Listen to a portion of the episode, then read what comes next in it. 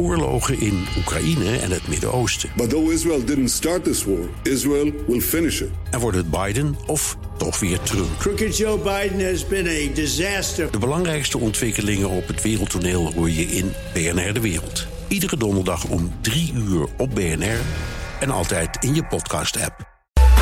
BNR Werkverkenners wordt mede mogelijk gemaakt door BrainNet. BrainNet voor zorgeloos en professioneel personeel inhuren. Nieuwsradio. BNR Werkverkenners. Rens de Jong. Als je de laatste tijd nog eens een vacature hebt bekeken, dan weet je het wel. Iedereen is namelijk op zoek naar proactieve medewerkers. Want als baas heb je wel wat anders te doen dan iedereen's problemen op te lossen. En dan is het dus heel handig als je medewerkers hebt die uit zichzelf met oplossingen komen en niet zitten af te wachten tot jij weer eens wat verzonnen hebt. Klinkt logisch. Maar is dat proactieve gedrag ook nog zo fijn als je hele team bestaat uit die oplossingsgerichte assertieve types? Of is het ook heel handig als je een handjevol mensen hebt die gewoon netjes orders uitvoeren? Nou, dat is de vraag van deze aflevering van Werkverkenners. En dat proactieve gedrag, nou, dat blijkt nog best ingewikkelde materie te zijn. Het is nu al wel een aantal jaren is het er. En het wordt denk ik nog steeds wel groter. Uh, en je merkt ook wel dat steeds meer bedrijven er iets mee doen. Uh, in hoeverre dat kan, hè? want het is proactief gedrag. Dus er iets mee doen betekent je kan wel randvoorwaarden creëren.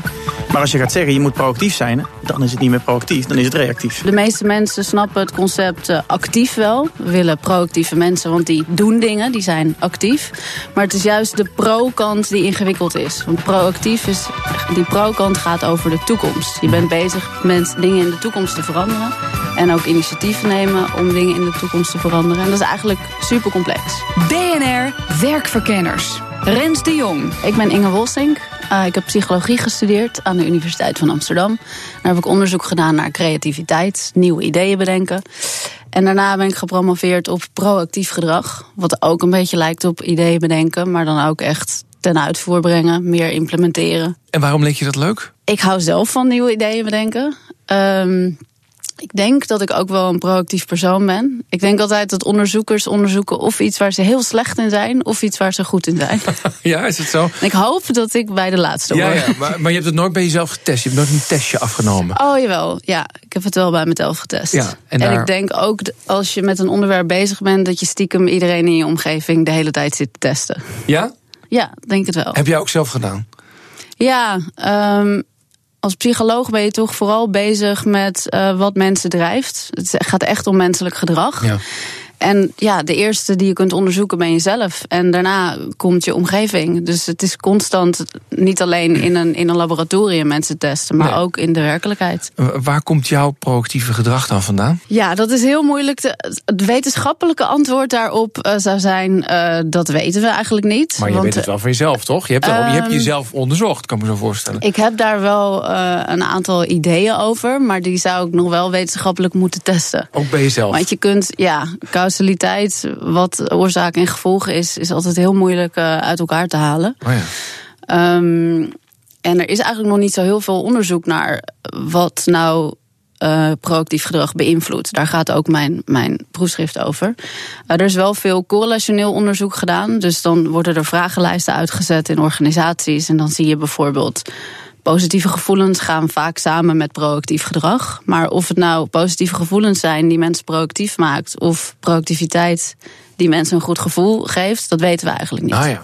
Want, want leg mij uit, wat heb jij precies onderzocht op het gebied van proactiviteit? Nou, proactiviteit is een, iets, iets heel uh, ingewikkelds. En daarom zijn er eigenlijk geen uh, onderzoeksmethoden om dat gedrag in een laboratorium te laten plaatsvinden en vervolgens dan te testen wat heeft daar invloed op. En daar gaat mijn proefschrift over. Uh, ik heb gekeken hoeveel mensen nadenken als ze proactief proberen te zijn. Of proactief gedrag altijd een bewuste keuze is, bijvoorbeeld, waar je hard over nadenkt. Ga ik het nou wel doen of ga ik het niet doen? Um, ik heb onderzocht uh, wat voor gevoelens tot proactiviteit leiden. En ook of proactiviteit gevoelens uh, beïnvloedt. En ik heb gekeken naar motivatie. Hm. Um, wordt een beetje aangenomen dat mensen die extrinsiek gemotiveerd zijn, die van beloningen houden en die gewoon voor, laten we zeggen, simpel de promotie en het geld gaan, dat die niet proactief en niet creatief zijn. En ik vroeg me af, klopt dat eigenlijk wel? Of ligt het meer aan de omgeving? Is er iets wat ik kan uitvinden waarom die mensen dan minder proactief of Ja. creatief lijken te zijn? En wat voor een experiment heb je gedaan? Ik heb mensen naar lab gebracht en ik heb ze daar in een team laten samenwerken. Een leidinggevende, die werd gespeeld door iemand. En dan de participant, dat waren meestal studenten. Eh, en die moesten samen aan een taak werken, want het is wel een bedrijfsomgeving. Ja. En de taak was: ga de beste nieuwe decaan voor deze faculteit vinden. En je krijgt hier een lijst met drie potentiële kandidaten. En ehm, al die kandidaten hebben allemaal verschillende eh, pluspunten en minpunten. En jullie moeten er samen achter komen welke de beste is. Nou is het zo dat voor de participant duidelijk, laten we zeggen, kandidaat A de beste is. En voor de leidinggevende is duidelijk kandidaat B de beste. En als ze hun informatie op de een of andere manier combineren, dan is eigenlijk C de beste. Right, oké. En de leidinggevende neemt volledig de leiding. Ehm, dus, en de andere is eigenlijk ondergeschikte. Die moet gewoon een beetje meegaan. En dan gaan we kijken, gaat die ondergeschikte gaat die dat oppikken? En gaat hij zelf initiatief nemen om die leidinggevende naar het juiste antwoord te leiden? Dus eigenlijk neem je de leiding terwijl dat niet van je verwacht wordt. En dat bleek een goede meting te zijn. En hoe vaak heb je dan dat experiment met die acteur gedaan? Ehm, deze vorm heb ik twee verschillende experimenten gedraaid. Eentje waarbij we ehm, probeerden te achterhalen hoeveel mensen moeten nadenken. Dus gingen we ze afleiden eh, tijdens de taak. En een andere met eh, gevoelens. Dus gingen we ze positieve of negatieve gevoelens geven. En ik denk dat in totaal ongeveer 350 mensen daaraan hebben meegedaan. Oké. Ja. Ehm, ik ben benieuwd naar conclusies. Wat waren voor jou Ja. belangrijke, opvallende conclusies? Eh, nou, een van de ehm, ja, opvallende conclusies in de zin van dat het niet helemaal samengaat met wat we denken of wat de, nu de mening is in, de- in de wetenschappelijke wereld over wat wat nou beïnvloedt. ehm, was heel erg het idee, mensen die zich positief voelen, die worden proactiever. Ja, Want als je ik. positief voelt, Ja, dan ja, heb je energie lekker- en dan lekker bezig. denk je, hop, we gaan ervoor. Eh, en in mijn experiment, het is wel pas het eerste experiment, dus kan toevalstreffer zijn, zien we juist dat als mensen zich negatief voelen, dat ze proactiever zijn. Dat was ook wel mijn hypothese trouwens, maar. ehm, en dat het voornamelijk het proactieve gedrag zelf is, waar mensen zich dan weer positief door gaan voelen. Aha, dus... eh, En hoe meet je dat dan? Je had ze een negatieve filmpjes laten zien of ze Ja. zaten in paniek of hoe werkt zoiets? Ehm nou, dan is het heel belangrijk om een onderscheid te maken tussen emoties en stemming. Ehm, als jij bijvoorbeeld eh, vrolijk wakker wordt omdat het een mooie dag is. En eh, je zet eh, de radio aan en daar is een leuk item waar je blij van wordt. En je gaat dan naar je werk. dan is dat een positieve stemming. Op het moment dat je op je werk komt en dat je leidinggevende tegen je zegt: Rens, wat heb jij het ontzettend goed gedaan gisteren? Dan heb je een emotie die gericht is. Dan, dan ben je trots op jezelf. ehm, die heel erg gericht is op een bepaald gedrag. En dat zijn wel twee verschillende dingen. Wat ik heb onderzocht is stemming. Dus als je mensen blije eh, foto's laat zien en hele vrolijke muziek draait. Ehm, worden ze daar dan geactiveerder van? We hebben ook fysi- fysiologische meter- metingen gedaan. En worden ze daar dan proactiever van? En als mensen hele nare foto's te zien krijgen, dan moet je denken aan eh, mishandelde dieren, eh oorlogsmisdaden, dat soort dingen. Ehm, en je geeft ze daar hele nare muziek bij, want muziek en beeld versterkt elkaar em- eh, emotioneel gezien. Dan worden ze daar proactiever van. En met name de mensen die van nature niet zo proactief zijn. Dus kennelijk gebeurt er iets in hun activatie waardoor ze ineens proactiever worden. O- Om dat nare gevoel weg te krijgen? Dat is wel een beetje mijn eh, theorie. Dat het een soort ehm, regulerende functie heeft. En dat je als het ware jezelf kunt afleiden van een naar gevoel. door iets goeds te doen. Ehm, door actief te zijn. Eh, en dat je daardoor eigenlijk dat nare gevoel een beetje wegreguleert. Ja. Wat betekent dat dan voor de werkvloer? Uh, nou, één heel belangrijk ding is denk ik uh, dat onderscheid tussen stemming en emotie. Dus je moet niet denken als baas, ah, dan geef ik al mijn werknemers een rotgevoel en dan worden ze lekker proactief. Gaan ze, nou ja, dat, sommigen doen dat, hè? Dus ja. de, de, de burning platform theorie. We zeggen gewoon, jongens, dit bedrijf staat in brand. Je hebt twee keuzes. Het is, je blijft erop staan, maar dan gaan we met z'n allen dood. Of we springen een ongewisse toekomst, maar hey, dan zijn we tenminste wel wat aan het doen. En de, de, de, theorie zegt heel vaak, nou, creëer maar een brandend platform, dan willen mensen wel gaan veranderen. Dat ondersteun jij wel een beetje. Nou ja, dat is een beetje, laten we zeggen, spanning creëren. Van, er, er moet eerst een beetje spanning zijn voor sommige mensen. Mensen die van nature proactief zijn, hebben die spanning dus niet nodig. Mm een klein beetje spanning creëren om ja, een soort van noodzaak, een crisis uh, te creëren, wordt ook vaak gezegd van daar komt de innovatie uit voort. Want als alles gewoon prima gaat, waarom is er dan een reden om te veranderen? Maar, maar is dat dan ook dat je zegt, nou dat zou best kunnen. Mensen die je dus, he, eh, ik spreek veel CEO's en uh, de, de nummer één vraag die ik nu veel hoor is van hoe krijg ik ze in godesnaam mee? We ja. moeten veranderen. Uh, joh, de wereld daarbuiten verandert. Ik zeg het de hele dag. Ja. Maar hoe krijg ik ze nou mee? Als mensen dat zelf niet zo ervaren, exact. dan komen, komen, ze natuurlijk nooit mee. Nee. nee dan, um, maar dan dus is de, een beetje noodzaak creëren mag denk ik best. Ja, wat grappig is dan, dan kun je zeggen, nou laten we maar een leuke werkomgeving creëren, zodat mensen het, eh, zich lekker voelen en dan nou, gaan we wel mee. Ja, dat is een beetje het positive psychology uh, idee. Of je waar zou ik ook niet tegen ben hoor. Je maar... zou ook andersom kunnen zeggen van nou ja, creëer maar iets, die zo dikke paniek, want er gaat er wat gebeuren. Ik denk dat qua emoties en um, en gevoel dat zowel positieve als negatieve uh, stemmingen hun functie hebben. Dus het, kijk, op het moment dat je alleen maar crisis hebt, dan krijg je op een gegeven moment dat mensen gewoon helemaal burned out raken. En dat ze het gewoon allemaal niet meer trekken. Mm -hmm. Dus het heeft voornamelijk te maken met een afwisseling. Ook weten wat voor soort werknemers, wat voor soort stimulatie nodig hebben. Dus ken je werknemers. Ja. Um, zou ik zeggen. Niet ieder klokje tikt hetzelfde. Uh, maar ook een afwisseling. Je kunt natuurlijk niet alleen maar negativiteit over mensen he heen gooien. Maar als je alles alleen maar positief maakt, dan wordt op een gegeven moment de noodzaak om te veranderen, uh, is er ook niet.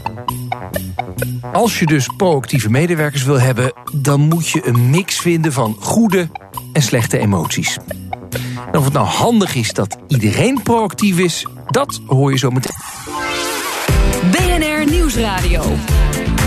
BNR Werkverkenners. Als je proactief bent op de werkvloer, dan wacht je niet op een idee van een ander, maar dan bedenk je zelf iets en dan voer je dat gelijk ook uit. En je zou denken, zo'n proactieve houding, dat krijg je natuurlijk als je je een beetje lekker voelt. Maar uit onderzoek van psycholoog Inge Wolsink van de UvA blijkt, je bent eerder proactief als je je negatief voelt. Ik kan me voorstellen dat als mensen zich ergens aan ergeren, dat ze dat willen oplossen. De, de vraag is of het proactief of reactief is natuurlijk. Hè. Het lijkt misschien een, een, een detail, maar is het zo van er gebeurt iets, ik erger me eraan, dus als reactie daarop wil ik het oplossen? Mm -hmm. Of is het echt zelf geïnitieerd gedrag waarvan je denkt, nee, ik wil uh, iets anders doen? Ik ben uh, Jos Akkermans, universitair hoofddocent aan de Vrije Universiteit van Amsterdam.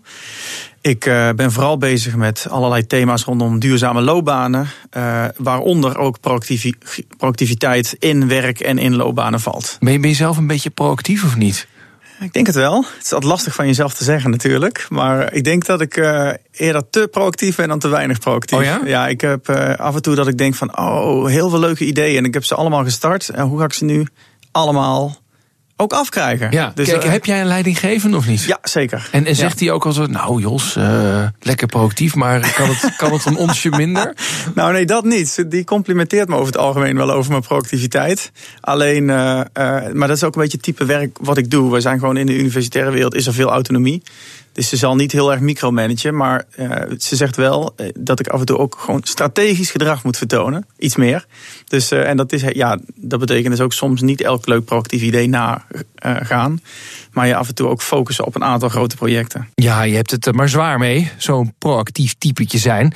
Maar ik ben de beroerdste niet, dus help ik Jos met focussen. Wel op een wat kleiner project, namelijk op de definitie van proactief gedrag? Ja, proactief gedrag, het allerbelangrijkste in een definitie daarvan is dat het zelf geïnitieerd is. Dus spontaan. Je doet het omdat je het zelf wil en niet gestuurd vanuit een prikkel uit de omgeving. Dus um, Eh, stel dat jij tegen mij zegt, joh, drink nu je bekertje water op. Dan is het reactief. Ik doe dat omdat je het mij zegt. Op het moment dat ik zelf dorst heb en denk, goh, ik wil wel water. En ik ga bijvoorbeeld uh, uit de automaat een watertje halen. Dan zou het iets proactiefs zijn. Mhm. Dus dat, dat is het allerbelangrijkste, dat uit jezelf komt. Ik vind dat je er nog wel eentje mist. Namelijk niet naar de baas toe gaan en zeggen, ik heb een probleem. Maar zeggen, nou, er is een probleem. En volgens mij, baas, moet ik het zo oplossen. Eens of niet eens? Mhm. Is dat niet de kern met, als wij het in onze vacatures zetten... ik zoek een proactief iemand? Ja, nou ja, een, een fundamentele vraag is: zou je dat in je vacature moeten zetten, natuurlijk? Hè? Nou, Eh, omdat het, als, als baas kan ik me heel goed voorstellen dat je denkt... ja, los dat lekker zelf op. nou, dat, je- en, en soms Ja. komen mensen alleen maar naar jou toe. En dan denk je, ja, eh, denk nou zelf eens even na. Dus daarom zetten ze. Mhm. Ja. Dat is mijn gevoel, hè? Nou, Het- het- daarom staat het erin. Van joh, eh, denk Ja. zelf even na. Volgens niet- mij staat dat er. Je bent niet de enige die dat voelt. Dat is vaak wat je, eh, als je in organisaties praat over productiviteit, kijk je heel vaak van medewerkers ook de, angst terug van ja, dit is gewoon om ervoor te zorgen dat wij het zelf maar allemaal op moeten lossen.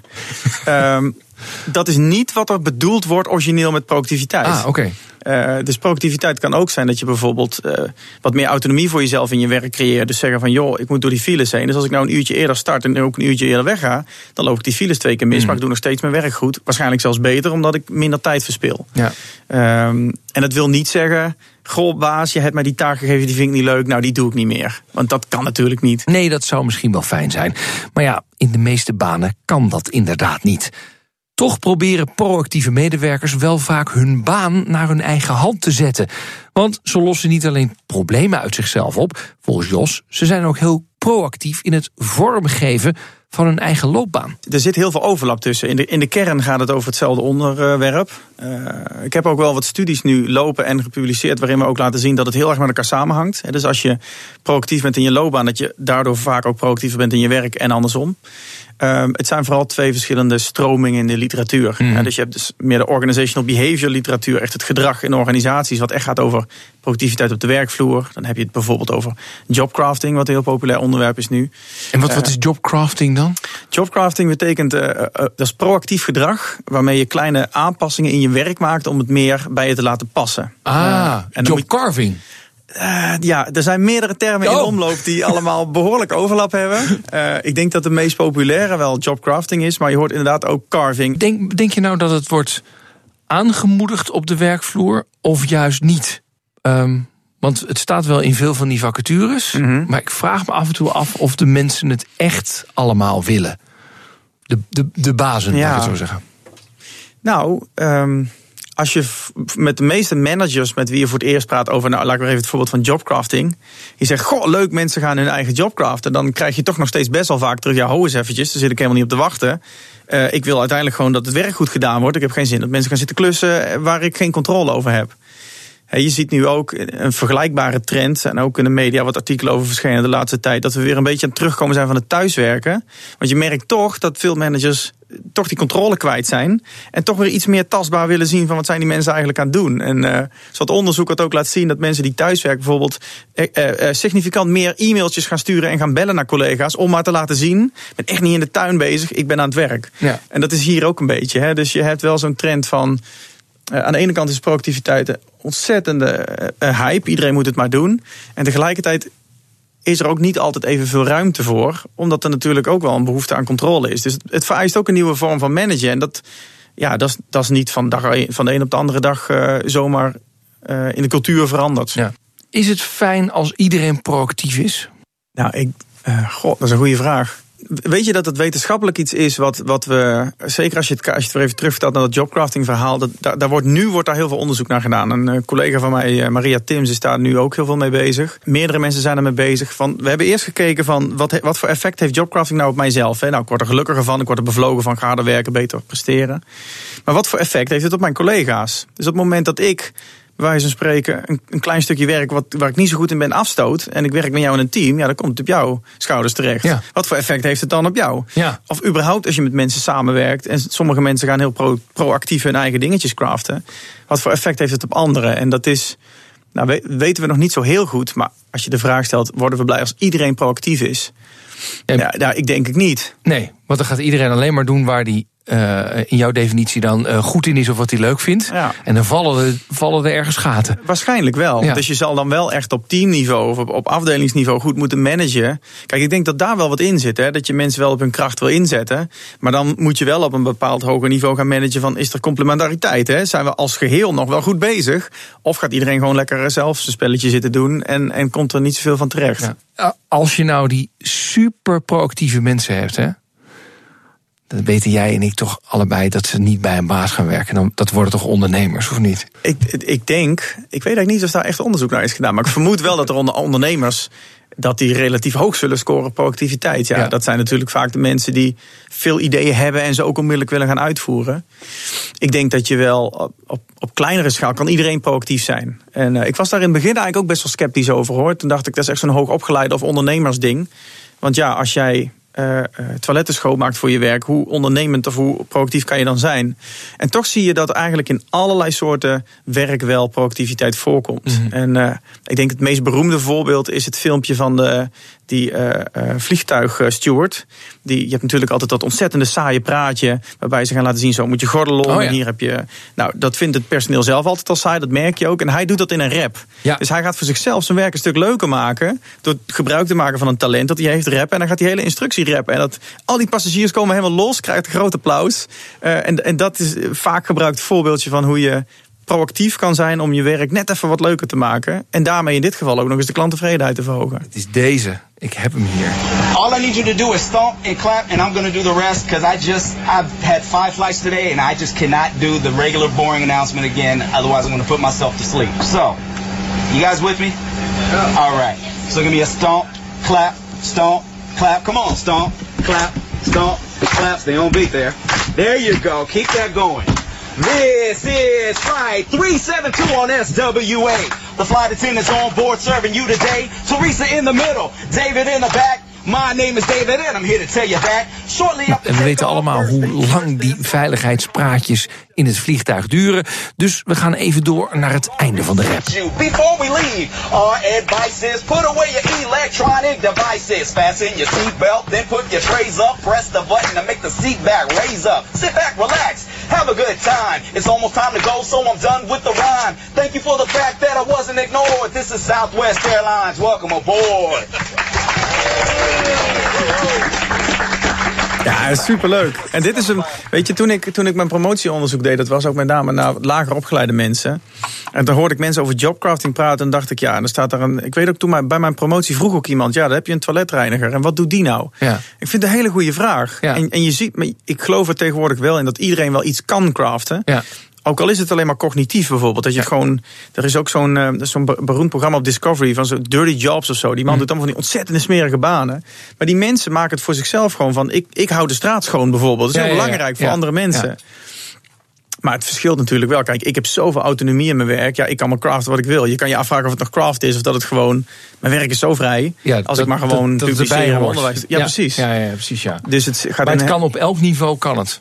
Daar ben ik wel van overtuigd, ja. Ja. Ja. En met deze hoopvolle boodschap zijn we dan aan het einde van deze werkverkenners. Iedereen kan het dus jobcraften of carving, hoe je het ook wil noemen. En proactief zijn, dat kan ook iedereen. Alleen het gaat de een wat makkelijker af dan de ander.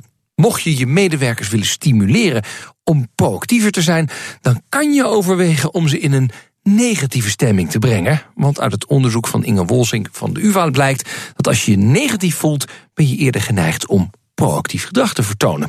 Maar proactief gedrag op de werkvloer heeft ook zo nadelen. Want als iedereen alleen maar zijn eigen initiatieven uitvoert en doet waar hij zelf zin in heeft, dan wordt het natuurlijk, u begrijpt het, een zootje. Kortom, wees proactief, maar een beetje met mate. En met deze levensles eindigen we ook deze aflevering van BNR Werkverkenners.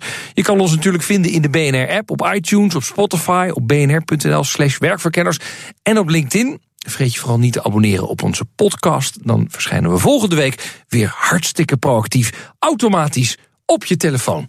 Tot de volgende keer. BNR Werkverkenners wordt mede mogelijk gemaakt door BrainNet. BrainNet voor zorgeloos en professioneel personeel inhuren. Bij BNR ben je altijd als eerste op de hoogte van het laatste nieuws. Luister dagelijks live via internet. Bas van Werven. En heel langzaam komt de zon op rond dit tijdstip. Je krijgt inzicht in de dag die komt op BNR, het Binnenhof in Nederland en de rest van de wereld. De Ochtendspits. Voor de beste start van je werkdag. Blijf scherp en mis niets.